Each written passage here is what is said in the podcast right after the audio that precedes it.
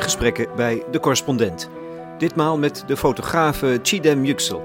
Zij maakte onder meer een prachtige serie portretten van de Alzheimer-fluisteraars.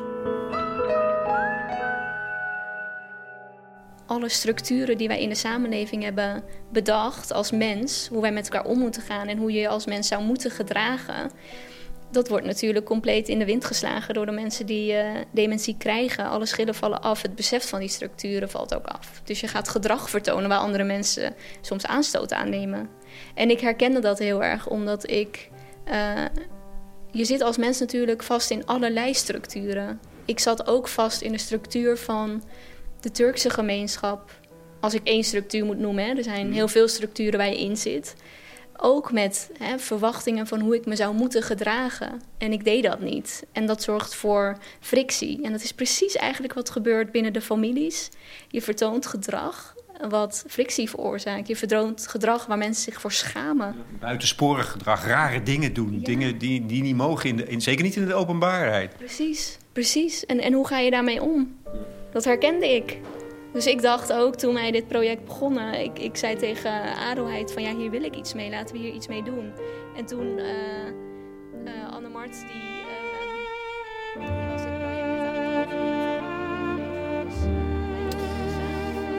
die Chidem Yüksel, Turks-Nederlandse fotografe die in 2016 al eens een zilveren camera won voor haar serie over Syrische vluchtelingenkinderen, te werk gesteld in Turkse fabrieken. Er zijn twee redenen om Chidem op te zoeken. De eerste is, ja, natuurlijk de bijzondere series die ze de afgelopen jaren heeft gemaakt. Eigenlijk is er altijd wel sprake van een taboe. Dingen die in de Turkse gemeenschap in Nederland onbesproken blijven. Of de intimiteit tussen mensen met dementie en hun dierbaren, de zogeheten mantelzorgers. Die laatste reeks is getiteld De Alzheimer-fluisteraars. Het project is geïnitieerd door Adelheid Rozen, uitgevoerd door Anne Mart Hogewoning. En daarbij gaat het al lang niet meer om het schieten van een plaatje. Nee, het gaat om het organiseren van een intense ontmoeting die het leven van de betrokkenen verandert. Voorgoed verandert. Wat ons vertrekpunt met het Alzheimer fluisteren is geweest. Um, vaak als je geliefde, je moeder, je vader uh, Alzheimer krijgt. Um, dan is dat eigenlijk al het startpunt van afscheid nemen omdat je uh, je moeder, je vader uh, niet meer zal herkennen in wie die eerst was. Alle schillen vallen af. Um, ja, het is een proces waarin degene van wie je houdt, of degene met wie je al een levenslange relatie hebt, uh, aan het veranderen is. Met, van wie je afscheid moet nemen terwijl diegene er nog is. En waar heel veel mensen moeite mee hebben, is dat ze vast blijven houden aan het beeld van: ja, maar mijn moeder is altijd al zo geweest. Dus uh, de verwachting dat die moeder nog zo moet blijven. Um, ja. Het, het, gevoel dat, dat, dat die dierbare je ontvreemd is eigenlijk. Ja, en, en um, heel erg vanuit jezelf geredeneerd. Dus hè, je, je, moeder die begint te dementeren en um, ze verandert. Stel, ja, er zijn relaties van moeder-kind waarin aanraking bijvoorbeeld geen rol heeft gespeeld. Maar wanneer de moeder Alzheimer krijgt, dat, die, dat het lichamelijke contact. Um, veel meer, ja, de behoefte op, om lichamelijk contact op te zoeken veel meer is. En wat wij, ja, waar mensen dan vaak in schieten is, ja, maar dat deed mijn moeder nooit. Ja, maar dat, dat daar heb ik geen behoefte aan. Er ontstaat ongemak, er ontstaat uh, schaamte, er ontstaat misschien ook woede, omdat er binnen relaties natuurlijk heel veel dingen spelen. Um, maar dat heeft geen plek meer, want diegene, jouw moeder is aan, het, is, is aan het veranderen. Zij is iemand anders aan het worden. Dat wie zij was, is langzaam aan het afglijden. Um, en, ja, en wat, moet je dan met al die frustraties en, en je, je ongemak, je, je schaamte? Uh, en wat adelheid mij heeft geleerd, tenminste uh, toen haar moeder Alzheimer kreeg, is zij erachter gekomen dat uh, zo nog steeds ja, daadwerkelijk contact met haar moeder kon hebben. Door juist niet uit te gaan van zichzelf. Door juist het beeld van wie, zijn, wie haar moeder vroeger was totaal los te laten. En mee te gaan in wie haar moeder nu aan het worden is. Dus je mee laten voeren met uh, de wereld waarin jouw moeder zich bevindt. En al deze foto's zijn genomen op momenten waarbij dat wordt opgezocht. Dus er wordt een moment opgezocht waarbij je je eigen schaamte, je eigen verlegenheid probeert te, op te zoeken. Als je dan bijvoorbeeld de foto die hier ook op tafel ligt... van Adelheid Roze, theatermaakster, met haar moeder uh, bekijkt... en dan moet je weten dat die nogal een, een explosieve relatie hadden... Adelheid Roze heeft me wel eens verteld dat ze eigenlijk altijd met getrokken pistolen thuis kwam. Dus zo'n soort strijd was er. En dan zie je deze foto waarbij ze elkaar kussen. Zo lijkt het. Met een vrucht in hun mond. Van een ongelooflijke intimiteit juist. Ja, veel mensen vinden deze foto ook uh, heftig als ze dit zien. Want ik heb deze foto genomen een week voordat haar moeder overleed. En uh, ze kust haar moeder niet, maar um, ja, ze voert haar moeder met een aardbei. En dat doet ze met haar mond. Uh, dat is ongelooflijk intiem. Uh, veel mensen zien ook niet gelijk dat het een aardbei is. Dus die vragen zich ook af van wow, wat, wat, wat is dit? Maar um, Adelheid die heeft juist doordat haar moeder uh, Alzheimer kreeg... Um, haar moeder opnieuw ontdekt.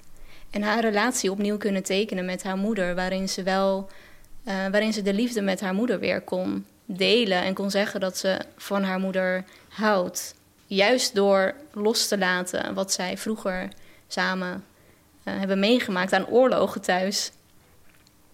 En uh, wat zo mooi is, is wat me raakt. Kijk, ik denk wat het probleem is, volgens mij, of een van de problemen van, van Alzheimer, is de manier van communiceren.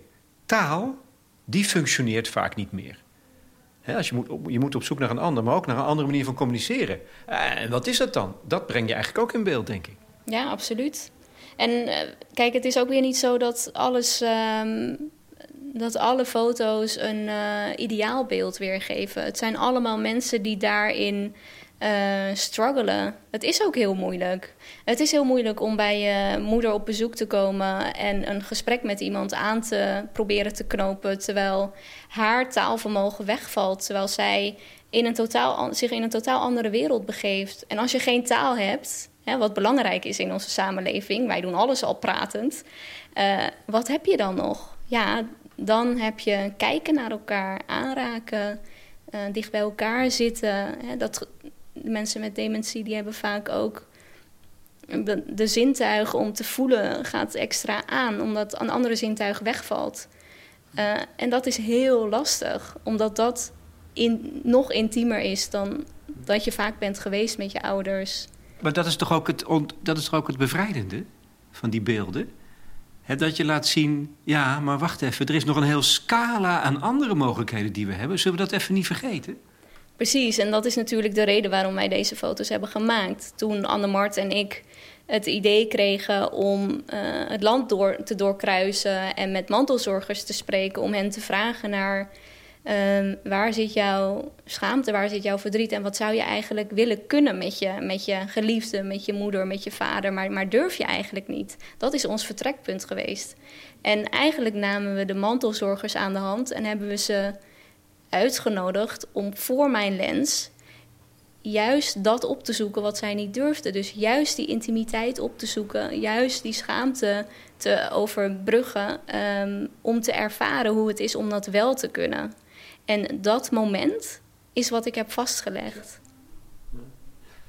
Dus je bent twintig keren door dat proces heen gegaan? Ja, um, heel ontroerend, moet ik zeggen. Ik denk dat elk gesprek die Annemart en ik hebben gehad met de mantelzorgers... Uh, ja, wij gingen dan samen op pad in de auto. En dan, uh, uh, ja, dan was het elke keer weer als we op de terugweg waren naar Amsterdam... van jeetje, wat mooi, jeetje, wat bijzonder. Ach, ik... ja, het raakt. Omdat het zo de essentie van ons mens zijn ook zo raakt. En onze onkunde in, in um, elkaar liefhebben ook blootlegt.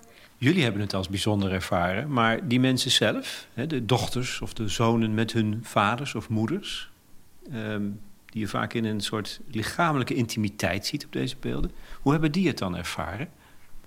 Ja, wat we, wat we doen na zo'n fotomoment, um, is dat wij deze foto's ook weer teruggeven. Dus deze families, deze mensen, die hebben En Lisbeth bijvoorbeeld met haar moeder, die, we hebben André Rieu opgezet. En zij is met haar moeder gaan dansen. En ze hadden zo ontzettend veel plezier.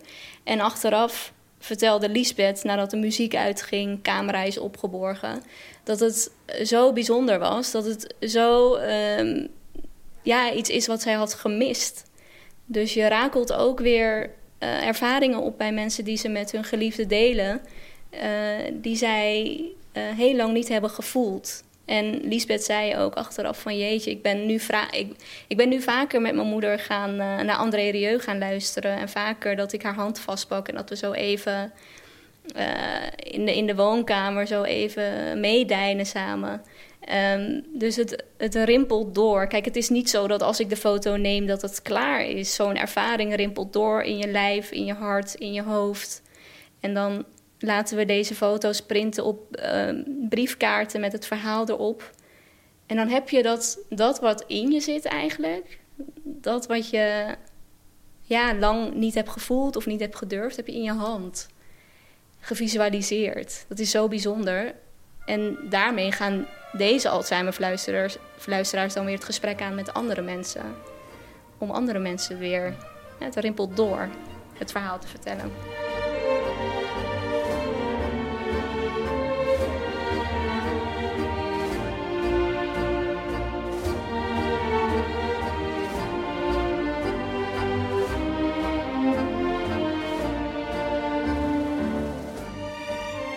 We hebben afgesproken in de bibliotheek bij haar in de buurt. Als ik de bibliothecaresse vertel wat ik kom doen en iets over de foto's van Yüksel zeg, zegt ze meteen enthousiast: Oh, ze mag je wel komen exposeren hoor. Nou, wie weet. Nu liggen een paar foto's op tafel, afgedrukt op aanzichtkaarten, met achterop in kort bestek het verhaal achter de foto, de geschiedenis van de mensen in beeld. Ach, dat zijn ze mooi hè, zeg ik. Ja, dank je. Ik vind ze, ja, ik vind ze prachtig. Ik ben er echt uh, trots op. Deze foto van een ouder Turks-Nederlands echtpaar. Baba en Anne en Mire. Kan, zou je hem om te beginnen kunnen beschrijven? Ja, de titel is Baba en Anne. En Baba betekent vader en Anne betekent moeder in het Turks. En we zien eigenlijk um, een eerste generatie Turks stel um, op een bank met in het midden hun kleindochter Mirai. En Mirai die ja, zweeft als het ware ondersteboven tussen hen in. Um, ik vind dit een belangrijke foto, omdat binnen het Alzheimer fluisteren we weinig um, foto's en verhalen hebben van mensen met een biculturele achtergrond. En dit zijn de ouders van Gulej. En Gulej um, deed haar verhaal omdat ze het belangrijk vindt dat ook binnen de Turkse gemeenschap uh, het taboe rondom Alzheimer, dementie, uh, wordt doorbroken door er juist over te praten, door er juist uh, je verhalen erover te delen en dingen waar je tegenaan loopt. En binnen de Turkse gemeenschap is het nog altijd zo dat je als kind de verantwoordelijkheid hebt om te zorgen voor je ouders. Dat is um, de plicht eigenlijk waar je mee wordt opgevoed. Als mijn ouders straks ook oud worden, dan is het eerste waar zij op. Uh, wat zij verwachten, is dat ze worden opgevangen door hun kinderen. Um, en Gulej heeft nu hetzelfde, want haar beide ouders hebben dementie. Maar wat doe je met je ouders? Ik bedoel, je hebt, je hebt, zij heeft een eigen gezin, ze heeft twee dochters, um, ze werkt. Hoe kan je daarnaast nog uh, de zorg voor beide ouders op je schouders nemen? zij heeft daar heel erg mee gestruggeld. Omdat zij eigenlijk al wist dat zij niet kon, voldoen aan de verwachting van de gemeenschap om uh, je ouders binnen huis uh, te verzorgen. Dus zij zat eigenlijk in een spagaat. Hoe kan ik alsnog um, mijn ouders een goede, goede plek geven waar ze goed worden verzorgd? Um, maar hoef ik niet, ja, word ik niet um, weggekeken door de gemeenschap. Waarom doe jij je ouders weg in de gemeenschap? In, Je bent een slechte dochter. Nou ja, dat, het is meer een soort teleurstelling of um, ja, niet je plicht nakomen. Het is niet per se dat je, wordt, dat je wordt weggezet als slechte dochter, maar meer een verontwaardiging. Uh, zij zijn jouw ouders. Zij hebben hun hele leven uh, voor jou gezorgd. Ze hebben jou het leven gegeven wat jij nu hebt. Dus je hebt als kind al ja, dat, dat. Ja, hoe noem je dat? Ehm, je hebt een soort schuld of zo als kind. En ehm, dat moet je terugbetalen of zo. Het klinkt een beetje ruw, dat is het eigenlijk niet. Maar jij ervaart het zelf ook zo, denk ik, toch? Het is, het, zal, het is ook jouw toekomst dat jij straks moet zorgen voor je eigen ouders. Ben jij daartoe bereid? Ja, ik weet eigenlijk nu al dat dat misschien helemaal niet gaat lukken. Kijk, de enige optie voor mij, gelukkig komen wij uit, kom ik uit een groot gezin. Dus ik heb uh, drie zusjes en een broertje. Wij zijn met z'n vijven. Um, ik denk dat de beste optie is dat zolang zij nog goed ter been zijn, dat zij uh, zelf thuis wonen en dat er elke dag iemand langskomt. Um, maar dat wordt zeker een dilemma binnen het gezin. Dat moeten we echt gaan bespreken. Maar mijn ouders zijn gelukkig nog hartstikke jong. Maar mijn ouders zijn allebei 54. Dus dat, dat zit er nog echt nog lang niet aan te komen. Nee, nee, nee, dat weet je helemaal niet. Het kan zomaar opeens gebeuren. Ja, maar ik moet zeggen, er, er wordt nog weinig nagedacht over uh, hoe de eerste generatie Turkse Nederlanders, maar ook Marokkaanse Nederlanders, hoe de zorg wordt gefaciliteerd. Want de Nederlandse zorg schiet tekort. En kinderen hebben inmiddels hun eigen leven. Dus um, de structuur die je in een dorp bijvoorbeeld hebt, waar iedereen voor elkaar zorgt, dat, dat hebben wij hier in Nederland niet. Dus alles rust op je eigen schouders. En dat zorgt voor frictie natuurlijk. Ja. En vind je het onrechtvaardig?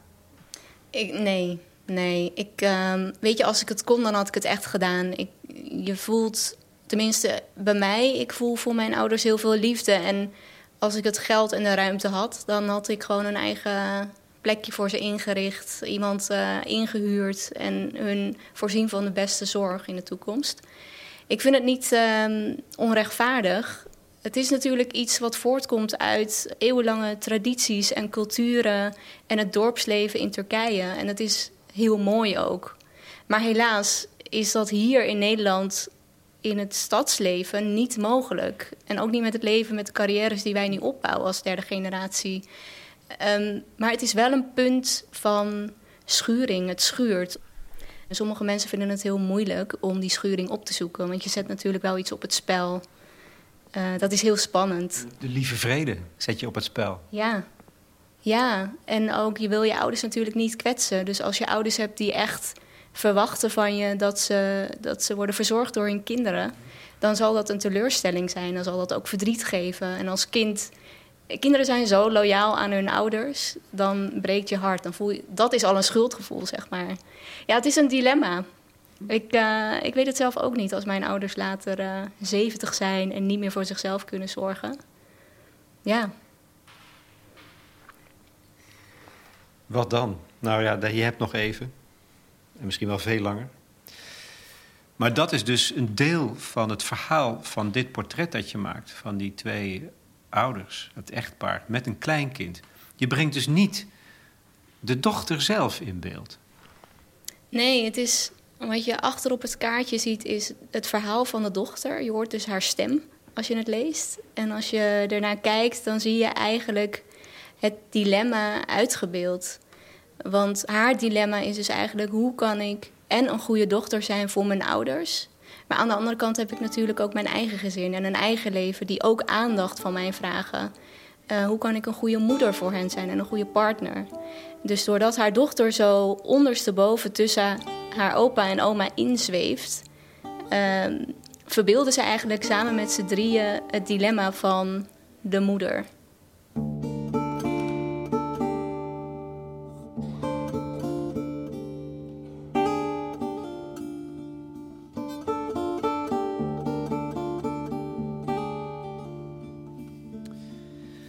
Elke foto van Chidem Yüksel gaat een intensief proces vooraf.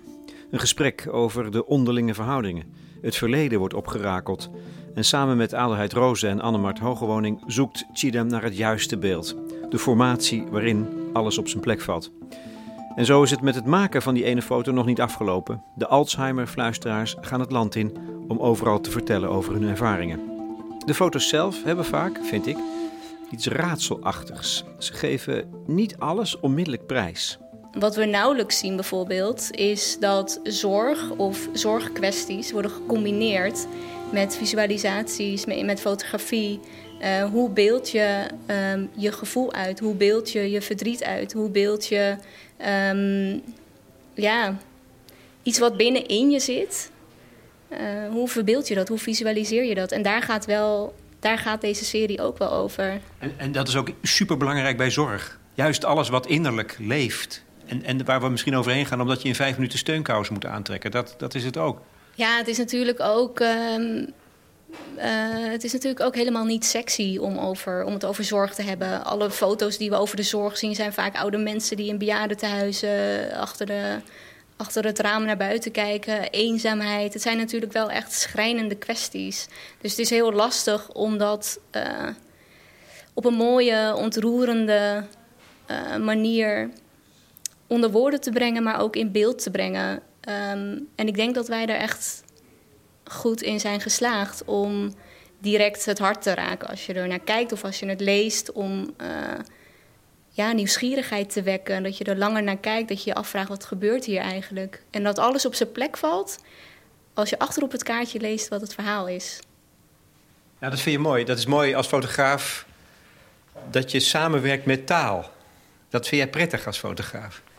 Ja, het is, het is wel onderdeel van mijn werk. Ik bedoel, ik heb eh, weinig foto's die op zichzelf staan zonder dat je, dat je gelijk weet wat het is, zonder dat je de tekst eigenlijk leest.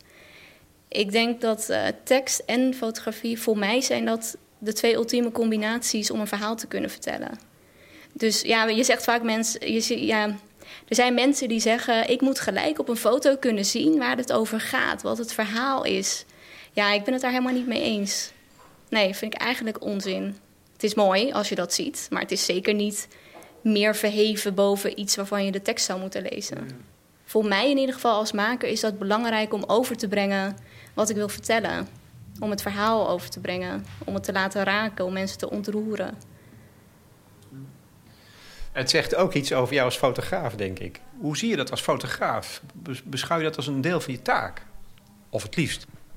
Ja, het is ook niet per se iets wat ik um, wat heel bewust uh, wat ik bedenk of zo thuis. Het is meer dat ik um, het ontstaat omdat ik een gevoel van noodzaak voel of het is iets. Het is een onderwerp wat speelt. Ik heb hiervoor, voordat ik deze serie maakte, um, de serie Niet meer zonder jou gemaakt met Nasmia Oral en ook met Adelheid Rozen, uh, waarin we ook dezelfde methodiek hebben gebruikt.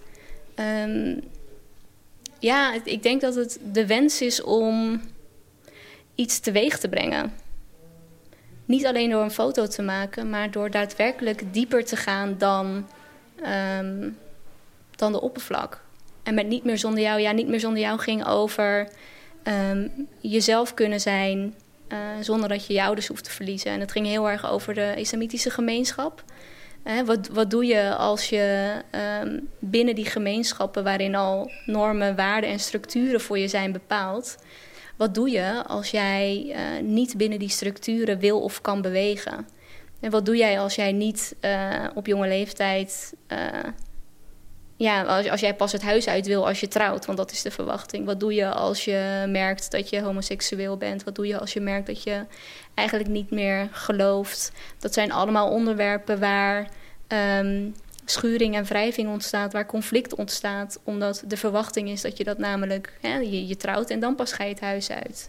Uh, je, uh, ja, je trouwt als vrouw met een, uh, met een man en als man trouw je met een vrouw bijvoorbeeld. Homoseksualiteit is ook niet iets wat nou heel erg wordt besproken binnen de gemeenschap. En, en er wordt vanuit gegaan dat je gelooft. En als dat niet zo is, dan is dat eigenlijk heel moeilijk. Ja, het moment waarop je je losmaakt van je ouders, waarop je weggaat, je losscheurt. Dat is een conflict. En dat wil je juist niet. Dat wil je ook niet. Ja, dan moet je maar durven. Want um, aan de ene kant voel je natuurlijk dat je niet anders kan. Kijk, ik ging toen ik 25 was, uh, ging ik het huis uit. Maar dat ging natuurlijk ook niet zonder slag of stoot. Mijn moeder zei. Uh, de, ouders, de, mijn, de verwachting van mijn ouders is dat ik pas het huis uit ga als ik trouw. En ik had daar helemaal geen zin in. En ik, ik heb wel maanden met een steen in mijn maag gelopen, omdat ik dacht: ik moet dit onderwerp bespreekbaar maken. Maar ik zet iets op het spel. Ik zet de relatie uh, met mijn ouders op het spel. Ik zet op het spel dat zij misschien anders naar me gaan kijken. Ik, ik zet op het spel dat zij misschien. Um, ze zullen misschien teleurgesteld in mij zijn of verdrietig zijn. Um, dus aan de ene kant um, wilde ik voor mezelf kiezen. Door het huis uit te gaan, door mijn carrière als fotograaf uh, achterna te gaan. Maar aan de andere kant wilde ik ook niet zonder mijn ouders. Ik wilde niet kiezen tussen beiden. En dan, ehm, ja, daar moet je over durven te praten. Je moet dat op het spel durven te zetten. En dat vergt uh, moed. Maar ben je dan niet op zo'n moment te loyaal? Je kan ook zeggen, ja, maar hoe dan ook, ik moet mijn eigen weg vervolgen.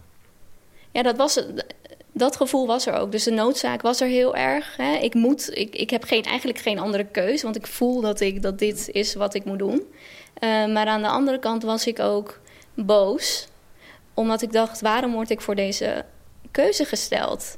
Waarom kan het niet en-en? En um, dat wilde ik afdwingen. Dus ik wilde niet de deur achter me dichtsmijten en dan, weet je wel, de band doorknippen. Nee, nee, want dat vind ik oneerlijk. Ik pik dat niet. Zij zijn mijn ouders en de taak van mijn ouders is om achter je kind te staan. Om de deur altijd open te houden. En dat heb ik ze duidelijk gemaakt. Dus uiteindelijk is het natuurlijk ook goed gekomen, maar het heeft wel voor frictie en conflict gezorgd. En dat moet je maar aandurven te gaan. En niet meer zonder jou gaat daar dus ook over. Het gaat over ja, de toenadering weer tot elkaar zoeken als er een wond is ontstaan tijdens zo'n conflict of tijdens zo'n schuring. En uiteindelijk komt het goed, maar er wordt eigenlijk niet meer gepraat over die wond uh, dat ontstaan is. En, maar als je het nog aanraakt, is het nog heel vers, weet je wel? En niet meer zonder jou gaat heel erg over dat uh, bespreekbaar maken. En samen met elkaar gaan zitten, je pijn bespreken en dan met elkaar op de foto gaan. Want hoe heb je, hoe, heb je dat dan in beeld gebracht? Uh, ja, ook op dezelfde manier eigenlijk als het Alzheimer fluisteren. We hebben moeders, dochters, vaders en zonen uitgenodigd die hun verhaal wilden vertellen. Ik heb bijvoorbeeld uh, Semra gefotografeerd. Samen met haar moeder en Semra's dochter, jonge dochter. Dus drie generaties zie je eigenlijk. En uh, Semra vertelde, zij kwam daar aan met haar moeder en haar dochter. Wij hadden al um, achtergrond opgebouwd en, en, uh, en de camera stond al klaar. Maar wat we dan deden was, we gingen eerst een gesprek voeren. Van waar gaat dit over? Wat is jouw verhaal? En wat is, um, waar ligt jullie wond? En Semra en haar moeder zaten tegenover elkaar, een beetje naast elkaar. En Semra vertelde hoe uh, haar jeugd was. Dus dat haar moeder heel erg. Um, ja, Semra heel erg erop wees van hoe je als dochter eigenlijk rekening moest houden met wat anderen wel niet over je zouden kunnen zeggen. Dus je hebt een bepaald keurslijf waar je in wordt uh, gestopt. Dus, en Semra droeg vroeger een hoofddoek en zij uh, een super slimme meid. Maar toen zij stage wilde lopen in Brussel, dacht ik, ja, ik weet het niet meer zeker, Brussel. Um, was dat heel lastig, omdat je dan weer gelijk krijgt van ja, maar wat zullen andere mensen wel niet zeggen en, en waarom wil je daar naartoe? Dus het was heel erg een gevecht voor haar om um, uiteindelijk de dingen te kunnen doen die zij wilde doen als vrouw. En op een latere leeftijd heeft zij haar hoofddoek afgedaan. Dat vond haar vader bijvoorbeeld heel erg. Maar uh, daar was veel spanning en frictie en conflict. Ja, op een moment nog dat je ging fotograferen. Dat was er allemaal nog in feite. Nou ja, ja, nou ja dat, dat was wat er vroeger was gebeurd. En op het moment dat ik haar wilde fotograferen en we dat gesprek hadden, bleek dus dat ze hier samen, dat ze het er, nooit meer over hadden. Dus hè, dan is je relatie weer goed met je ouders. Je hebt je eigen kind en uh, oma, opa, happy family. Maar um, over dit aspect, waar de pijn van Semra nog zat, daar had ze het nooit over gehad met haar moeder. En dat de dag van de shoot, dat was de eerste keer dat ze het samen met elkaar erover hebben. Dus dat, dat Semra haar moeder aankeek en zei van... mam, ik vond dit echt wel heel moeilijk. En het heeft, echt wel, het heeft mij ook wel echt verdriet gedaan. En dan, en dan zag je de tranen over de, over de wangen van haar moeder vloeien. En haar moeder die dan weer tot inkeer kwam en zei van... ja, sorry dat ik dit toen zo heb gedaan. Als ik, ja, met hoe ik nu ben, met de mens die ik nu ben... had ik het anders gedaan. En dat was zo'n mooi moment. En toen gingen ze samen op de foto. Ja. Maar je dwingt met je camera dus iets af. Voorbij het beeld, voorbij het plaatje, maar in mensen, in de verhouding tussen mensen. Je brengt iets ja. teweeg met je camera. Ik nodig ze uit om, ik denk, in de arena te stappen om kwetsbaar te zijn. En elkaar in de ogen aan te kijken en te, te zeggen wat er op je hart ligt, omdat dat ook weer voor heling zorgt. Ik vind het fascinerend omdat het dus toch kennelijk pas lukt als er gek genoeg een camera bij is. Terwijl je zou zeggen, ja, dan, hè, dan, dat is de openbaarheid, notabene. Dus je zou zeggen, dan schuil je juist, dan verberg je je. Nee, het tegendeel blijkt het geval. Verrassend. Ja, en dat zie ik, dat, dat merkte ik ook op. Het is zeg maar een excuus om het wel te doen. Het zijn de omstandigheden waarin je het wel durft. Want er zijn andere mensen bij of want er is een camera bij. En dat, dat is de omgeving. En dat is ook natuurlijk bewust gekozen bij Niet meer zonder jou. Het is niet bij, ja, bij haar thuis, het is niet bij de moeder thuis. Het is in een vrije omgeving. Um, en de camera zorgt er gek genoeg voor dat mensen uh, bereid zijn om zich heel kwetsbaar op te stellen en onder die omstandigheden het wel te doen. Moet ook iets met jou te maken hebben, denk ik dan. Ja, dat, daar kan ik niet over oordelen, Lex. Dat moet jij dan aan andere mensen vragen. Maar ik probeer wel zo oprecht mogelijk te zijn in wat ik maak. En het zijn allemaal onderwerpen waar ik waar ik me in herken, wat ik voel, wat ik uh, zie en waarvan ik denk, ja, laten we hier iets mee doen. Dit moet uh, verder gaan dan alleen een kiekje.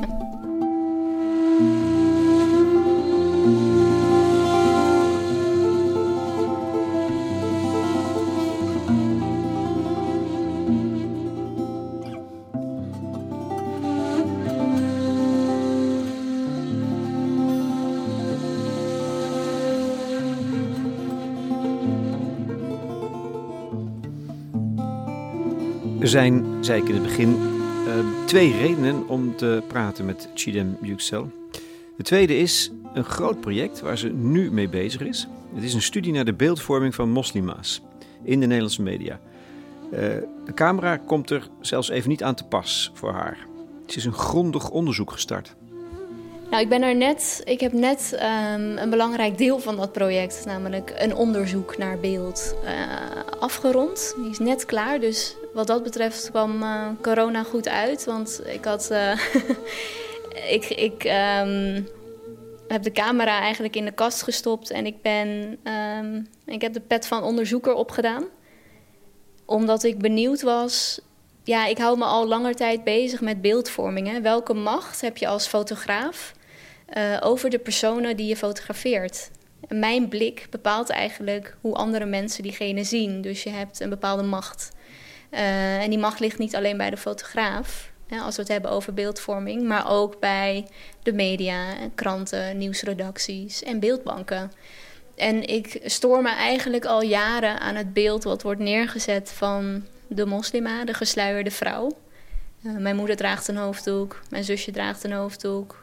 En uh, ik zie hoe zij zijn en hoe heel veel vrouwen zijn in mijn omgeving. Um, geen enkele manier terug eigenlijk in uh, de Nederlandse media. En ik dacht, uh, ik begon me af te vragen: wat is de rol van fotografie hierin? Welke beelden van deze vrouwen, van moslima's, worden er al 30 jaar aan de Nederlandse media aangeboden? En is dat wel representatief? Dus, die, die vraag lijkt me nogal makkelijk te beantwoorden. Ja, ik had natuurlijk wel een vermoeden. Um, maar daar, het is, er is natuurlijk altijd onderzoek nodig om te ondersteunen wat je beweert. Mm. Mensen in de media zijn niet gauw geneigd om uh, kritisch naar zichzelf te kijken. Dan is het vaak wat je hoort is, ja maar bewijs het dan. Ik heb niet het idee dat wij nu heel opzettelijk uh, een bepaald beeld aan het neerzetten zijn van deze vrouwen. Uh, dus ik dacht, nou dat ga ik dan doen.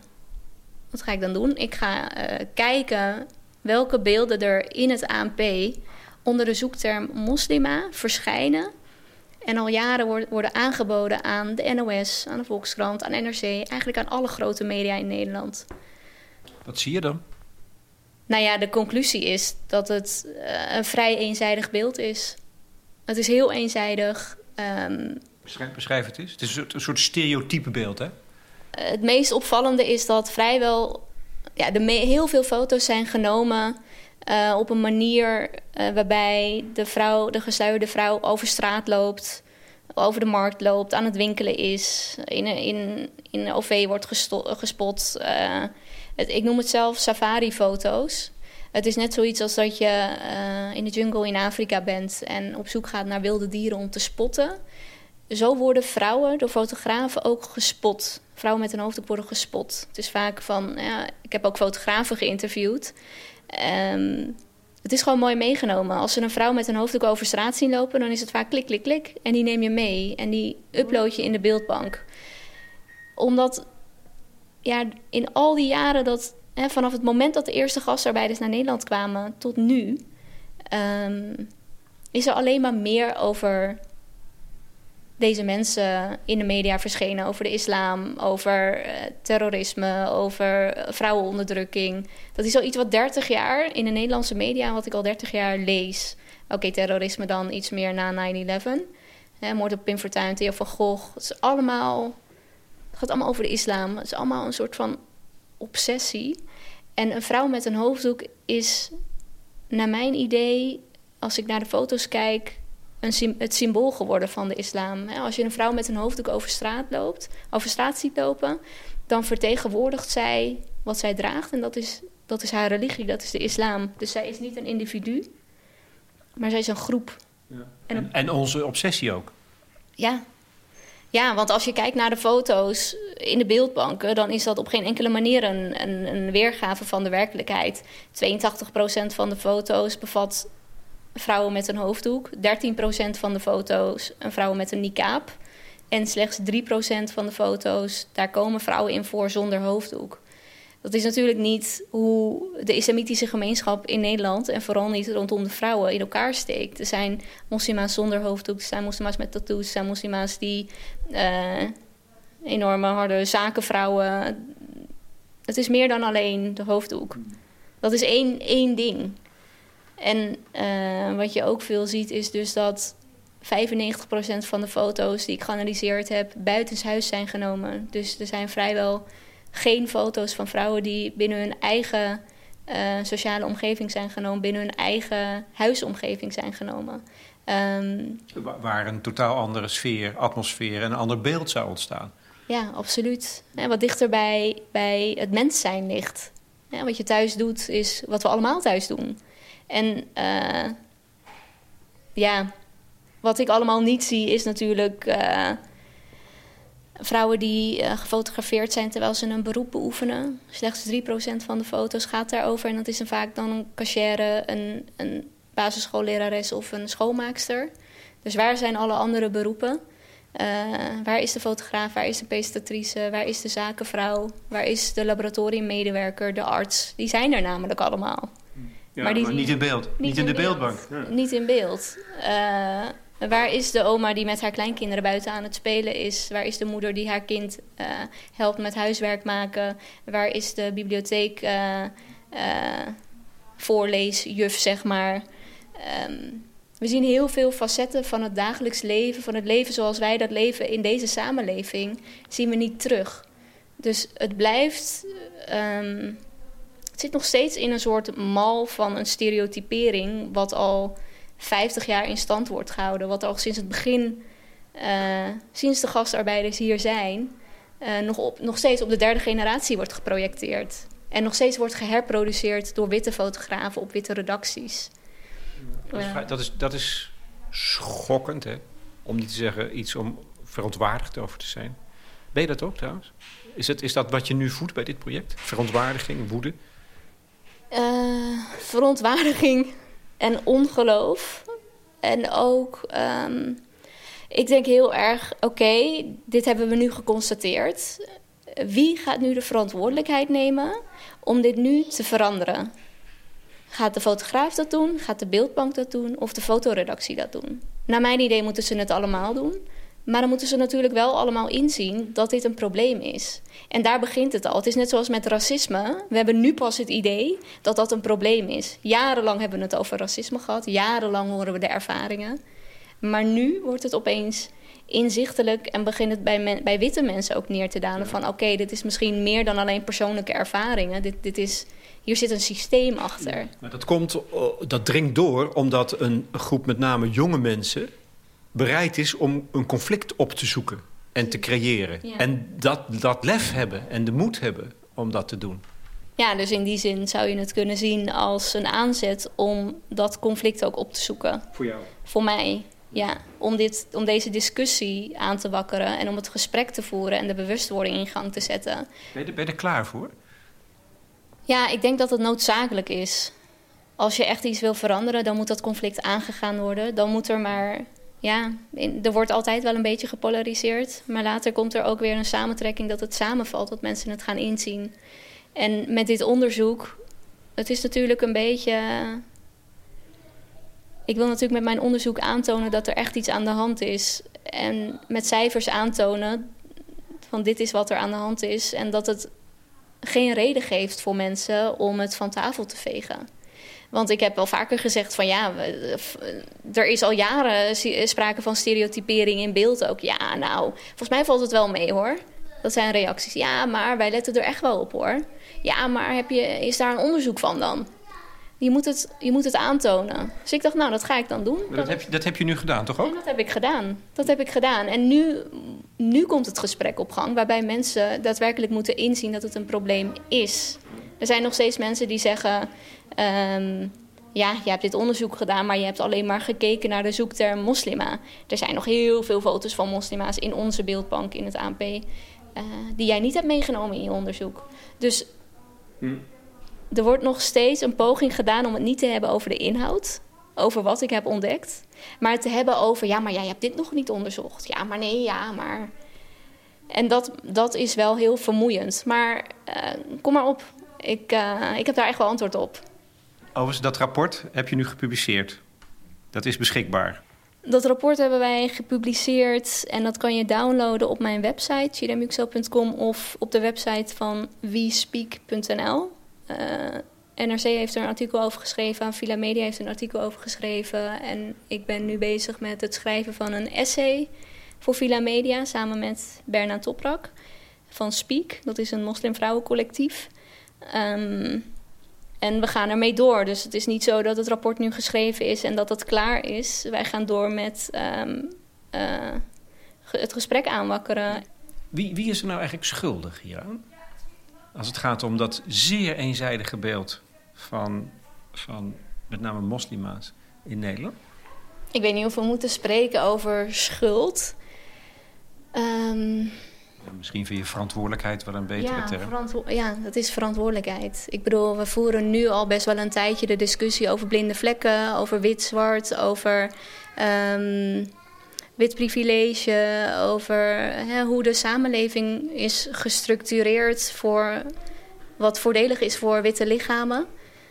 Um, daar is dit natuurlijk ook onderdeel van als onze media voornamelijk bestaat uit witte mensen, dan kan het niet anders dat er een bepaalde structuur in stand wordt gehouden, wat eh, mede veroorzaakt wordt door onwetendheid of niet bewustzijn en je blinde vlekken nadelig uitpakt voor andere mensen. Dus ja, je hebt de verantwoordelijkheid om bij jezelf na te gaan. Um, waar zie ik het niet? Waar hou ik stereotypering in stand? Hoe kan ik dit veranderen? Als journalist, als wit of zwart, maakt niet uit. Je hebt de verantwoordelijkheid om kritisch te kijken naar jezelf. Je bent niet neutraal.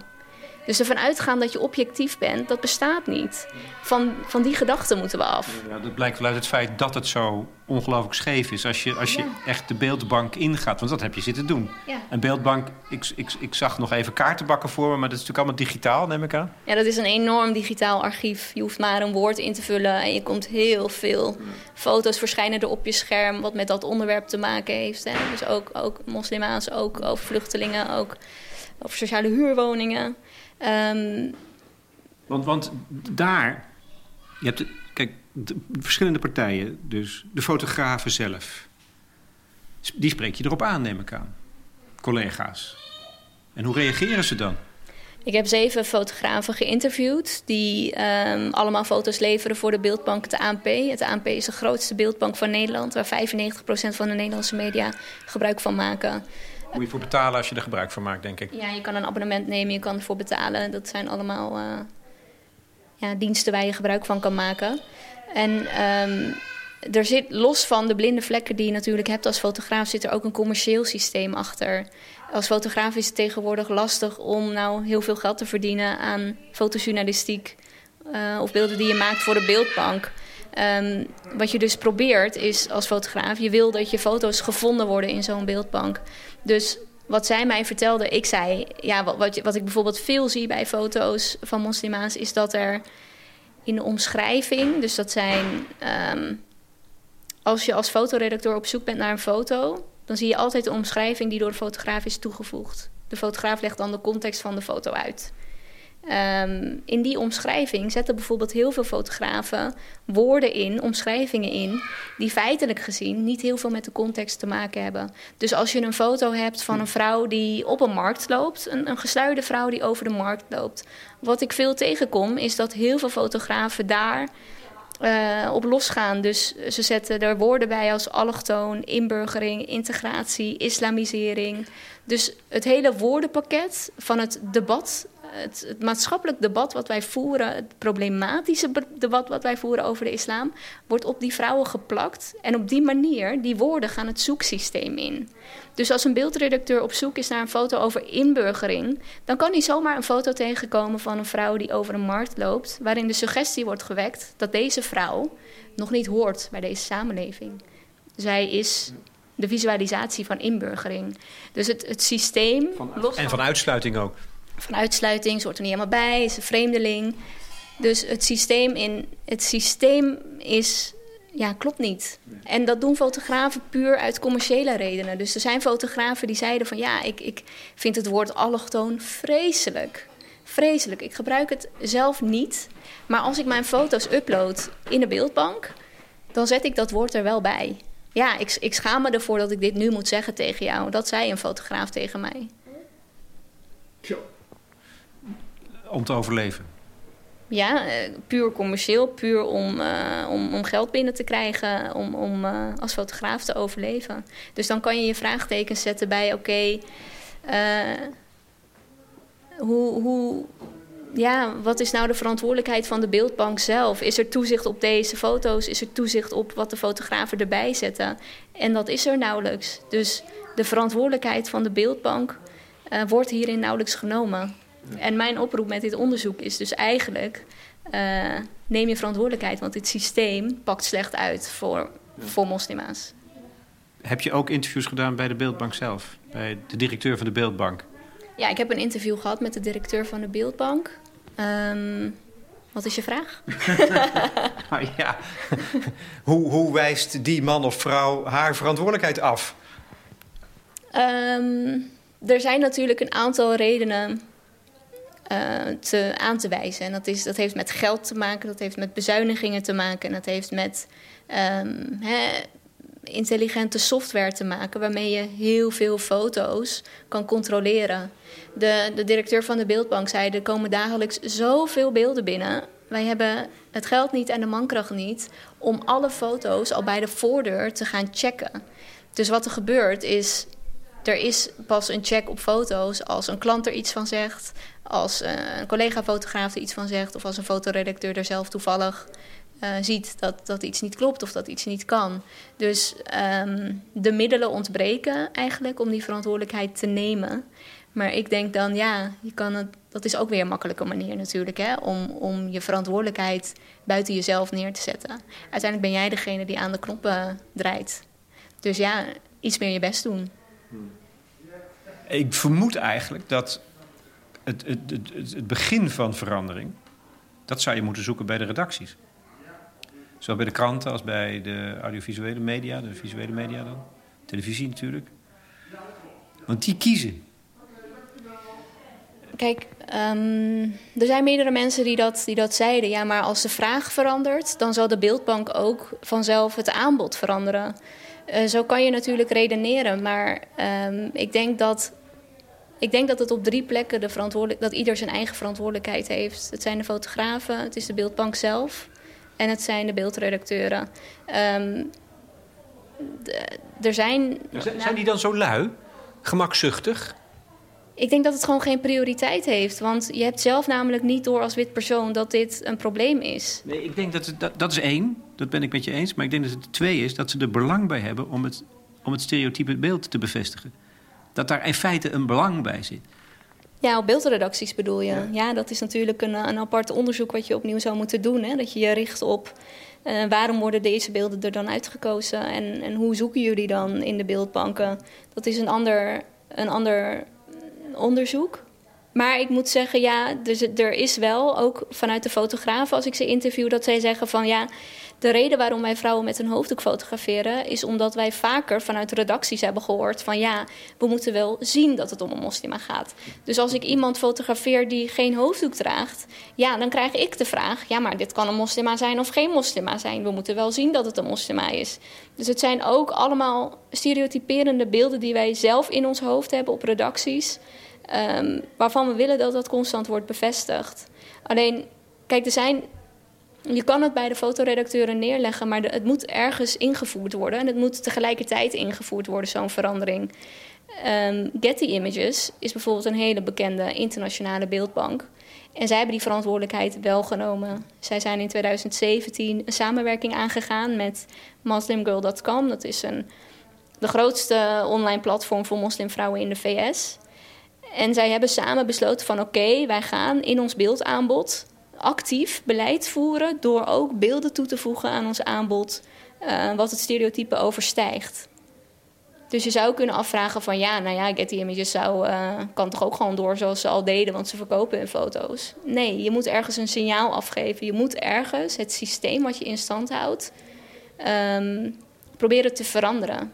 En die verantwoordelijkheid moet je niet bij iemand anders leggen. Het is jouw beeldbank, het zijn jouw foto's en het zijn jouw fotografen. Tot slot, uh, Chidem. Ga je nou ook nog in het kader van dit project fotograferen? Weet je dat al? Er zijn uh, plannen op komst. Er komen... Een tipje van de sluier. Nou ja, er komen, er komen nieuwe foto's. Dus ik zal zelf ook weer de camera in handen pakken en um, proberen te, ja, voor te borduren op, op, uh, ja, op het doorbreken van stereotyperingen. Op, op een andere manier laten zien van uh, moslima's. Dus uh, ja. ja, later meer. Jullie, jullie zien het wel vanzelf. Ik kan er niet heel nee, veel nee, over zeggen. Waarom niet? je weet al lang wat je wil. Ja, ik weet wat ik wil, maar ik hou ervan. Um, ja, misschien ben ik een beetje bijgelovig, maar ik wil het nog niet te veel met mensen delen. Dus ik vind het lekker als het als een select groepje mensen het weten, als wij zo in een flow aan het werk zijn. En pas als het klaar is om aan de buitenwereld te tonen, dat we het dan uh, op een mooie manier kunnen laten zien. We zijn met z'n tweeën. Ja. maar straks niet meer, Lex. Ja, hier ja. Maar wat we zeker weten is dat het foto's zullen zijn die ook weer iets teweeg brengen. He, die, de, die de mens en daarmee de samenleving veranderen. Want dat zal je nooit verloochenen, denk ik, als, als ik jou nu een beetje heb leren kennen. Ja. Nee, ja, daar, daar, dat, dat zeker. Dus er is. Um, ik doe het natuurlijk omdat ik uh, wil dat er dingen veranderen. Dat, dat is in al mijn projecten eigenlijk zo. En ook hier met mijn nieuwe serie, die jullie waarschijnlijk volgend jaar zullen zien. Um, ja, jullie zullen wel herkennen dat het van mij komt, zeg maar. Ja.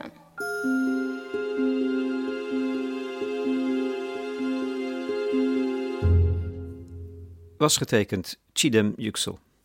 In gesprek met Lex Bolmeijer voor de correspondent.